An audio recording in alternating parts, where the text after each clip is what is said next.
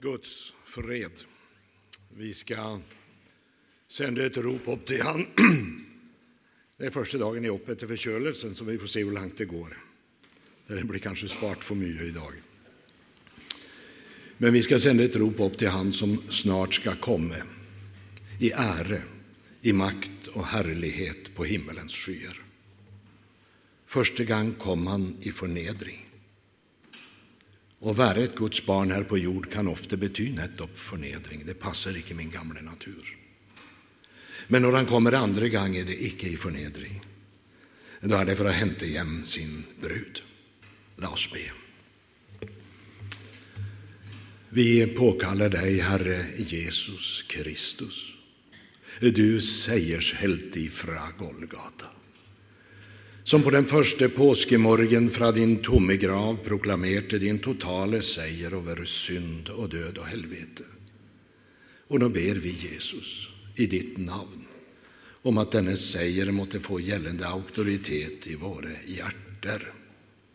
Du vet, Jesus, att jag är lika i idag som förr. Men du som drev oss ut får stille ministerpacka. Amen. Vi ska läsa ifrån Andra Korinterbrev kapitel 3, vers 1-8 i Jesu namn. Begynner vi nå å anbefale oss selv, eller trenger vi kanske anbefalingsbrev till dere eller fra dere, slik som vissa andra? Dere är vårt brev inskrevet i våra hjärtan, känt och läst av alla människor. För det är uppenbart att det är Kristi brev, blitt till ved vår tjänste, icke skrevet med bläck, men med den levande Guds ond, icke på steintavlor, men på hjärtets köntavlor. En slik tillit har vi till Gud ved Kristus. Icke så att vi av oss selv duger till att tänka ut något som av oss selv, men vår dugelighet är av Gud. Han som gjorde oss dugeliga till att vara tjänare för en ny pakt. Icke bokstavens, men åndens pakt. För bokstaven slår ihjäl, men onden gör levande. Några dödens tjeneste, den som med bokstaver var inhogd på steiner, hade en slik härlighet att Israels barn icke tålte att se Moses ansikt på grund av glansen i hans ansikt, den som snart försvant. Hvor mye herligere skal da icke åndens tjeneste være? Amen. Eh, Paulus går rätt på sak när han talar till menigheten i Korint. För du skönner, efter att Paulus forsvant från Korint så dukket det upp i menigheten någon som menigheten icke hade kallt på, de bara kom och de gjorde sig själv till ledare. Och de skröt av sina stora underliga uppenbaringar, det var icke måtte på. Och så säger Paulus, tränger vi kanske anbefalingsbrev för att komma till dere? Eller tränger vi anbefalingsbrev från dere? Det är som Paulus säger, dere tränger virkelig och lära dere och begynne å tänka på Guds måte. Du ser, selv om man är kommit till tro, och selv om man är ett Guds barn, så lever vi i en värld som påverkar oss. Och det kan påverka vår tankegång mer än vi tänker. Alltså, Paulus, han mötte motstånd, förtal och förakt och illesinnade fiender de påstod att Paulus var bara ute över att få makt över menigheten. Paulus säger det, han var bara ute efter att få, få, få göra dem avhängiga av ham. Alltså, det är intressant med vranglärare. Det är intressant med falska profeter, för de, de höres ofta sannare ut än de sanna profeter. Det är inte måte på så, så ærlige de er. Du kan godt noen gang ta deg tid og lese både første korinterbrev og andre korinterbrev i den nærmeste tiden. Eh, så skal du merke deg noe interessant, at disse falske profeter og lærere eh, som anklaget Paulus og de andre apostler som tjente det sanne evangelium, de anklaget dem for nettopp det som de selv gjorde. Det är märkligt. Alltså, de prövde att göra sig selv till herrer. Allt det här de anklaget Paulus för, det prövde de sig på. Och du skjønner, det är noen mennesker som lever efter den principen. På sig selv känner man andre. Och noen ganger kan det träffa. Men noen ganger kan det bli fullständig bom. Och det blev det för dessa vranglärare. Altså I begynnelse, i slutten av kapittel 2 sier Paulus vi er ikke som mange andre, slike som forfalsker Guds ord for å tjene på det. Altså, Han sier vi tilpasser ikke ordet sånn at vi kommer godt ut av det selv. Och kapitel 4 inleder han med att si att därför, då vi har denne tjänsten, i och med att vi har fått miskunn, så mister vi icke modet. Eh, Paulus säger att det är en eneste grund till att jag har fått denne tjänste, och det är Guds miskunn. Du finner intet av den ydmykheten hos Noa, av det här nya åndelige ledarskap. Och alltså, de anklaget Paulus för att upphöja sig själv. Men jag tänkte på detta alltså att Gud är icke avhängig av stora och starka människor. Det betyder icke att han icke kan bruka de som är stora och starka. Gud kan bruka en värld som böjer sig under Gud. Vi har så lätt för att göra ting till motsättningar, men han är icke avhängig av det, bara villige.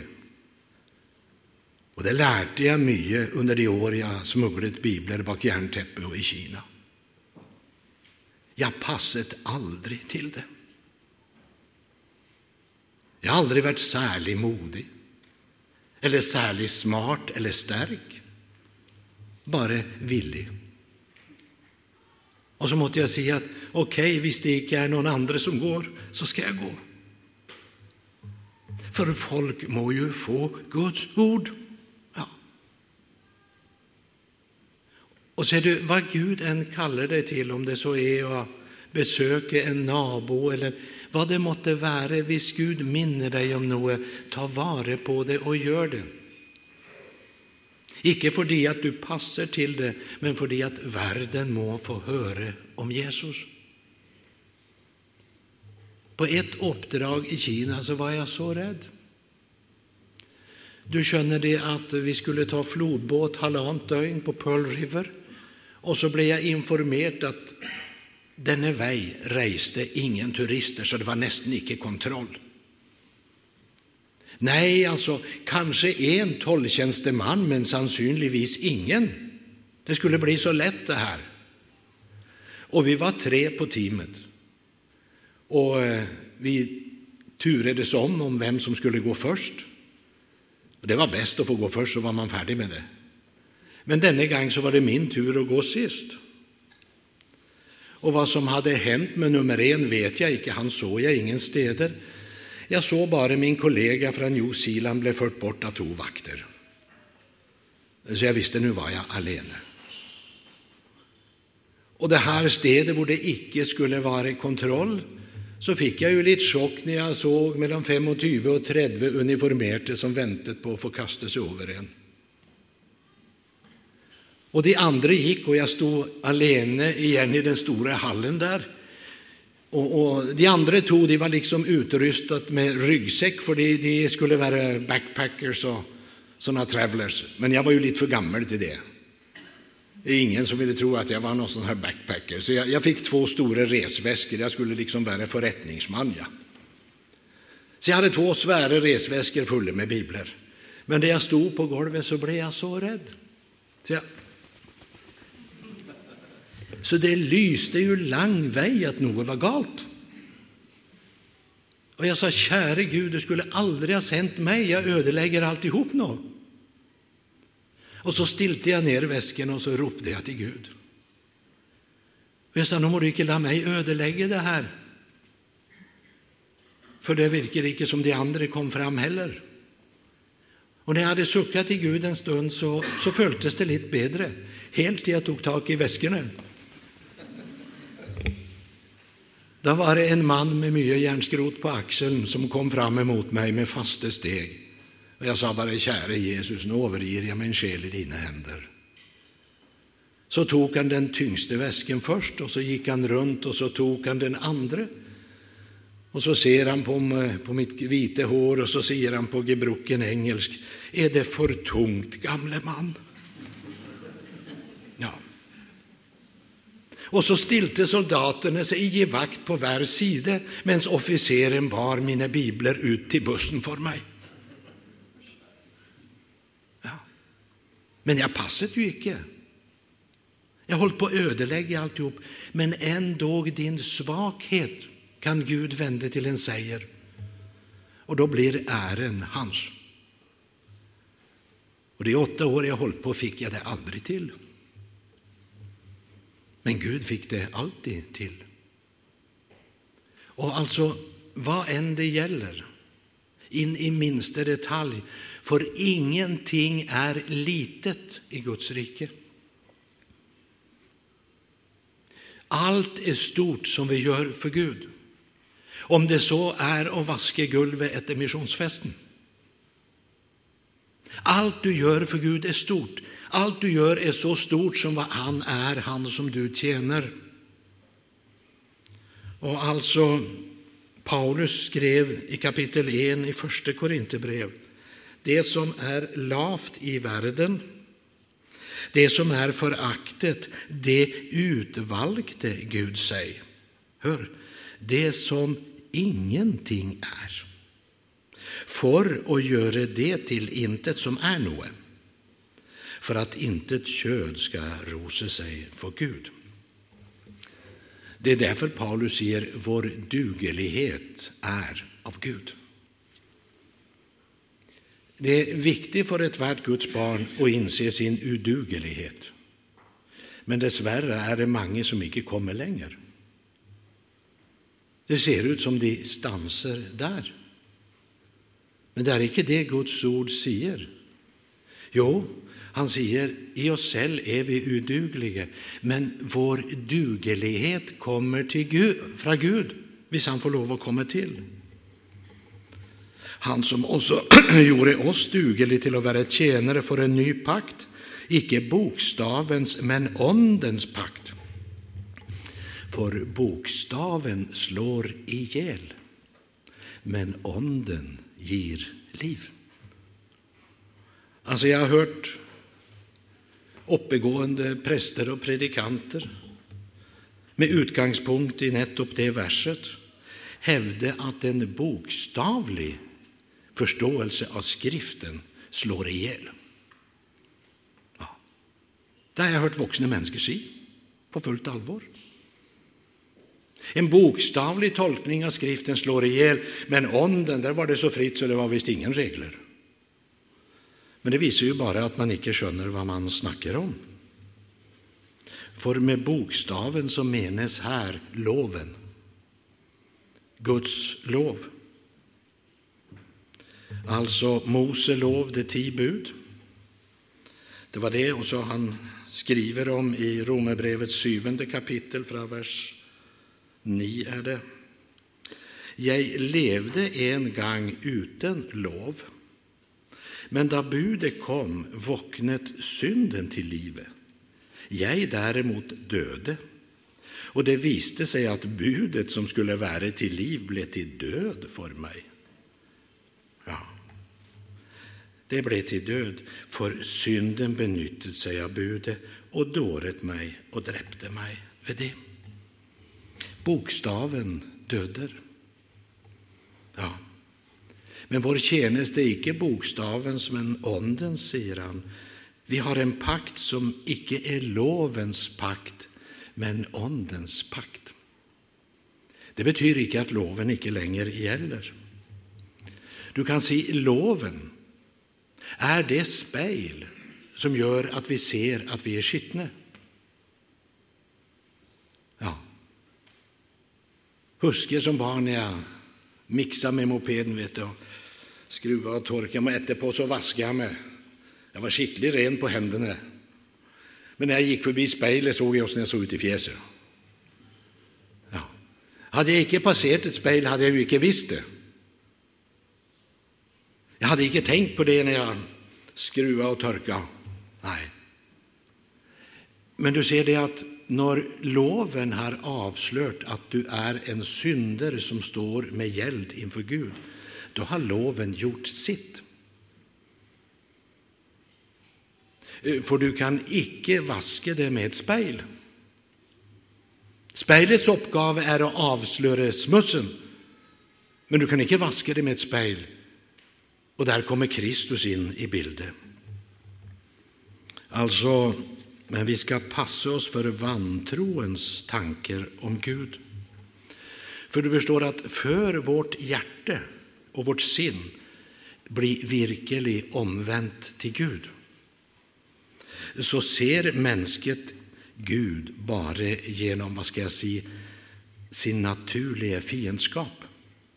Jeg er født på ny, jeg har fått en ny natur, men jeg har også en gammel natur, og den er gudsfiendtlig.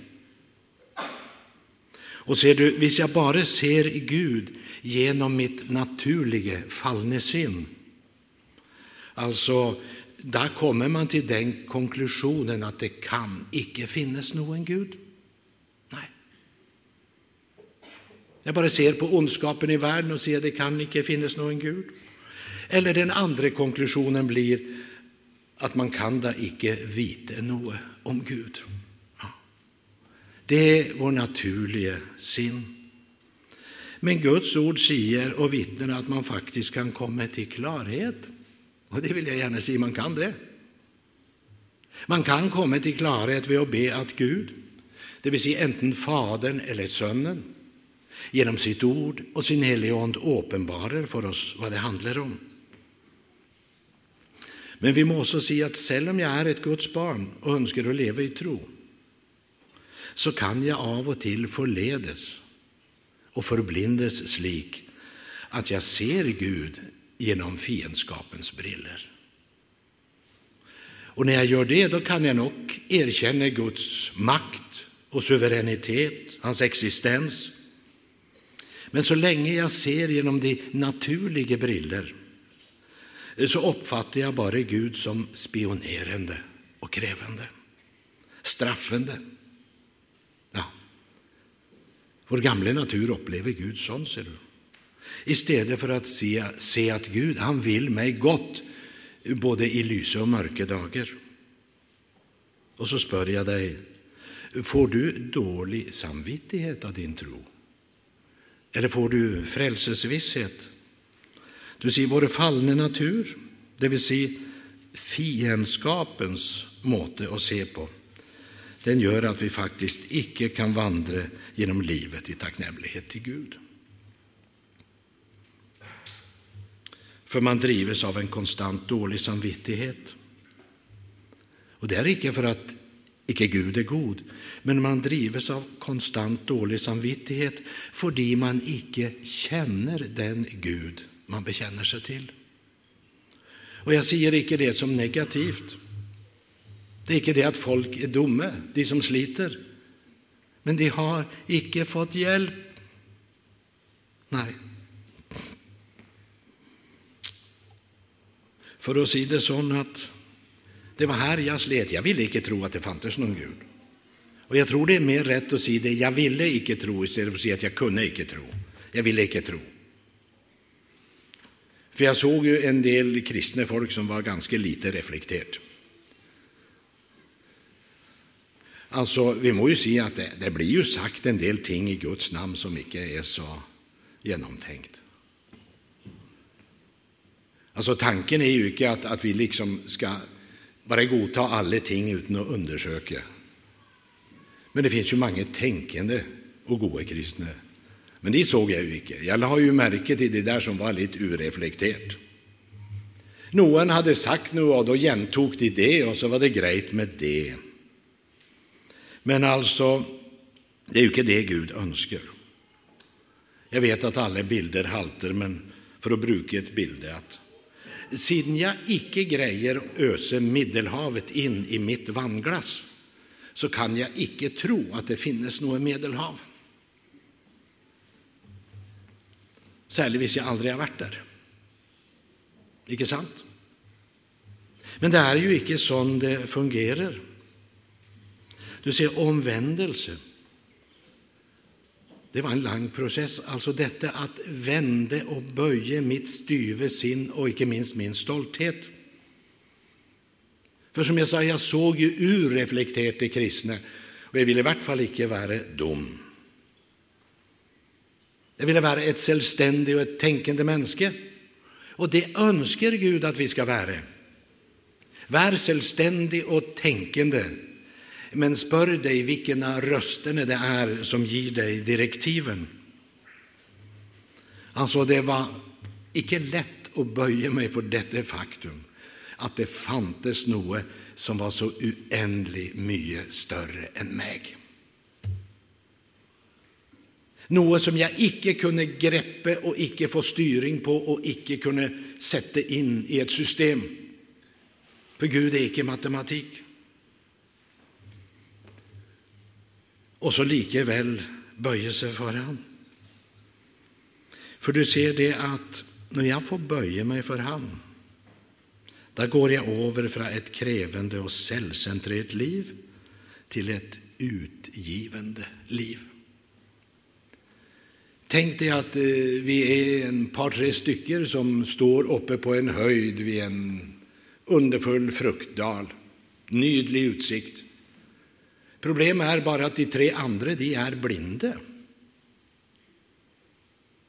Och så tänkte jag att jag fortäller dem vad jag ser. Så säger de, den går vi icke på. Här är det mörkt. Här ser man ingenting. Nej, nej, jag går icke på den. Skulle jag då føle mig dum? För att de andra är så kloka att de icke ser något? Nej, de må ju bli helbredet. Någon av dem kan vara mycket klokare än mig, men det hjälper ju inte det hvis de inte ser. Och jag vill gärna säga det som, min tro är icke förankrad i en bestämd menighet eller bestämd grupp eller någon bestämda doktriner. Och eh, jag tror icke att jag är rätt i alla ting vi ser styckevis och delt. Och mitt mål har aldrig varit att du ska tro som mig. Jag är inte så säker på att jag har rätt, alldeles icke. Men en ting är jag säker på, Jesus har rätt. Det vill jag säga. Jag har studerat det gamla och det nya testamentet genom 50 år också grundligt. Och jag har funnit ut att Jesus är den han säger sig vara. Jag har funnit ut att detta vittnesbyrd är tillförlitligt. Det är det. Jesus har rätt, det kan du stole på. Du kan gärna läsa igenom hela Nya testamentet någon gånger. Och så lägg märke till allt vad Jesus säger, vad han gör, hur han behandlar folk och vad han väljer. Läs allt om han och se på han som person. Och så spör dig efterpå, vad har jag emot den här mannen?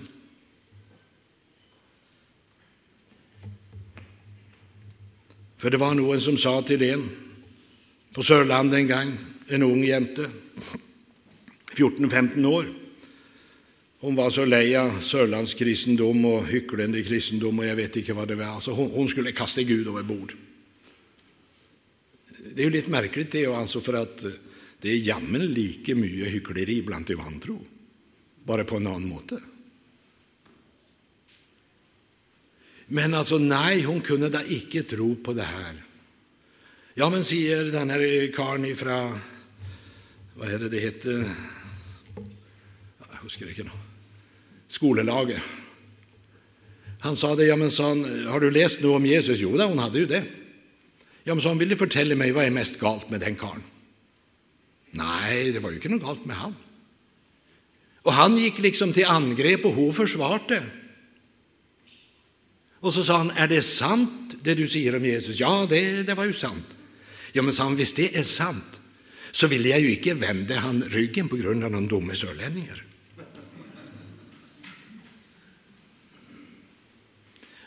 Alltså, vi är så kloka, men vi manglar rätt perspektiv. Du ser, bara själefienden får oss in i en viss tankegang, så är Gud ingenting för oss. Dere är vårt brev, inskrevet i våra hjärter, känt och läst av alla människor, för det är uppenbart att dere är Kristi brev. Han säger att de troende i Korint, de är Kristus brev. Ja. Inskrevet i våra hjärter, säger han.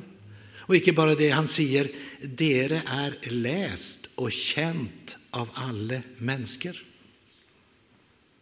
Du må det, de ugudliga har ofta ingen annan bibel än dig och mig. Anders Frostenson uttrycker det slik i sin sang. Ett Kristusbrev till världen är var och en som tror och i vis hjärte onden med fred och glädje bor. Ett brev från evigheten sänt ut till alla dem som gott sig vill och vandrar långt från sin far sitt hem. Ett Kristusbrev till världen är var och en som tror. Det är icke bara en nydelig evangelisk sang, men det är en gudomlig, evig sannhet. För det är uppenbart att dere är Kristi brev. Ja. Han säger, det är klart folk ser oss när de lever och handlar och vad dere säger. Och Gud ved helligonden vårt hjärte så bered att du din viljes budskap på det kan skriva ned. La all vår vandring vara ett livets ord från dig till alla våra brödre som går på vilsom väg. Jesus säger i Johannes 15 att han är det sanne vinträ och att vi är grenarna. Och så säger han, bli i mig så blir jag i dere. Och längre ut säger han, där som dere är mina vänner, där gör dere det jag säger. Du är min vän, säger Jesus, om du gör det jag säger. Det vill säga om det du tror får en konsekvens i ditt liv. Och vi må minna varandra om det att det hörer ulöseligt samman detta. Och adlyde Jesu önske och vilje och att bli i hamn. Det är två sidor av samma sak. Du kan icke vara likgyldig för Jesu krav och befaling och så samtidigt förbli han. Det går icke det. Han har något han pålägger oss. Och så ska vi läsa något från kapitel 2 här. Men Gud vare tack som alltid lär oss vinna seger i Kristus och ved oss uppenbarar duften av kunskapen om han på värt sted. Vi är Kristi vällukt för Gud bland dem som blir frälst och bland dem som går förtapt. Vi är en Kristi vällukt. Han säger att vi sprer kunskapen om han. Att Kristus vid oss uppenbarar kunskapen om han, det säger Guds ord. Tror vi det? Förväntar vi det, eller? Efter Hans gudomliga makt har gett oss allt som tjänar till liv och gudsfrykt. Och så säger han, Han som har kallt oss vid sin egen härlighet och kraft, och genom detta har gett oss de största och mest dyrbara löfter för att dere vid dem ska få del i gudomlig natur. Det står det. Higer du efter det? Du må huske, min vän, att ingen skipsbygger bygger en båt för att den ska ligga i dock. Nämligen, Den är bygget för att segla over de store hav och till att tåla påkänningar och storm och uvär. Og på samme måte så er Guds løftesord gitt oss og beregnet på å bli prøvd og bestå prøven. Det må vi minne hverandre om. Altså, ingenting gjør Kristus mer ont enn at vi liksom bare ser på alle hans løfter som i et utstillingsvindu.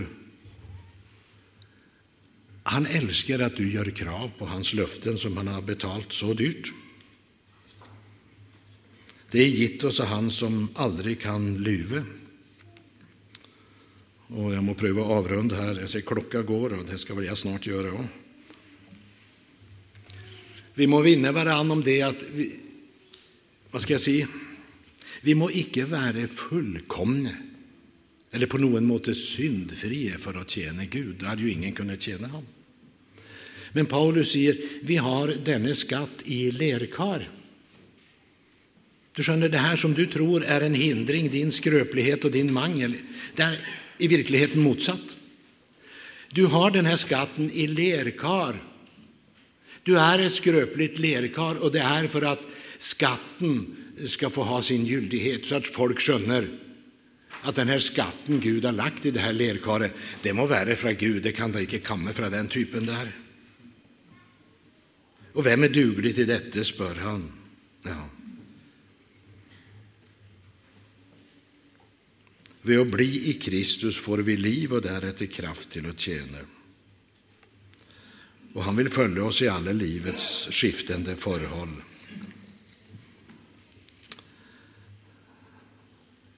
Vad tänker vi på när vi läser slika avsnitt i Guds ord?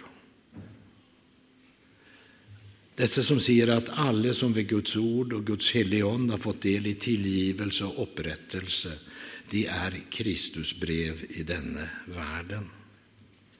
Han vil spre sin kunnskap ved oss. Du må gjerne bruke litt av tiden fram til jul og lese første og andre Korinterbrev. Og så kan du som en slags overskrift ha i bakhodet gjennom både første og andre korinterbrev det som står i en av dagens prekentekster, nemlig andre korinterbrev 13. Ransak dere selv om dere er i troen. Prøv dere selv. Eller kjenner dere ikke dere selv at Kristus er i dere? Det må da være at dere ikke består prøven. Vet du med deg at Kristus bor i deg? Det er et spørsmål vi burde stille hverandre nå og da. Ikke for å dømme hverandre på noen måte, men helt enkelt for å hjelpe hverandre til å skjerpe troens åndelige blikk. Paulus spør ikke er du religiøst interessert. Paulus spør ikke tror du det fins en Gud, men han sier bor Jesus i deg? Og så håper han at menigheten skal ransake seg selv. Jag ska ta tid till ett rätt långt citat av en som heter Johannes Brandtzæg. Jag satt och läste det här genom en dryg uke som är gått. Det är första dagen jag är uppe efter forkjølelsen i dag. Så ringte det här i mig. det Jobb säger, jag vet att min genlöser lever.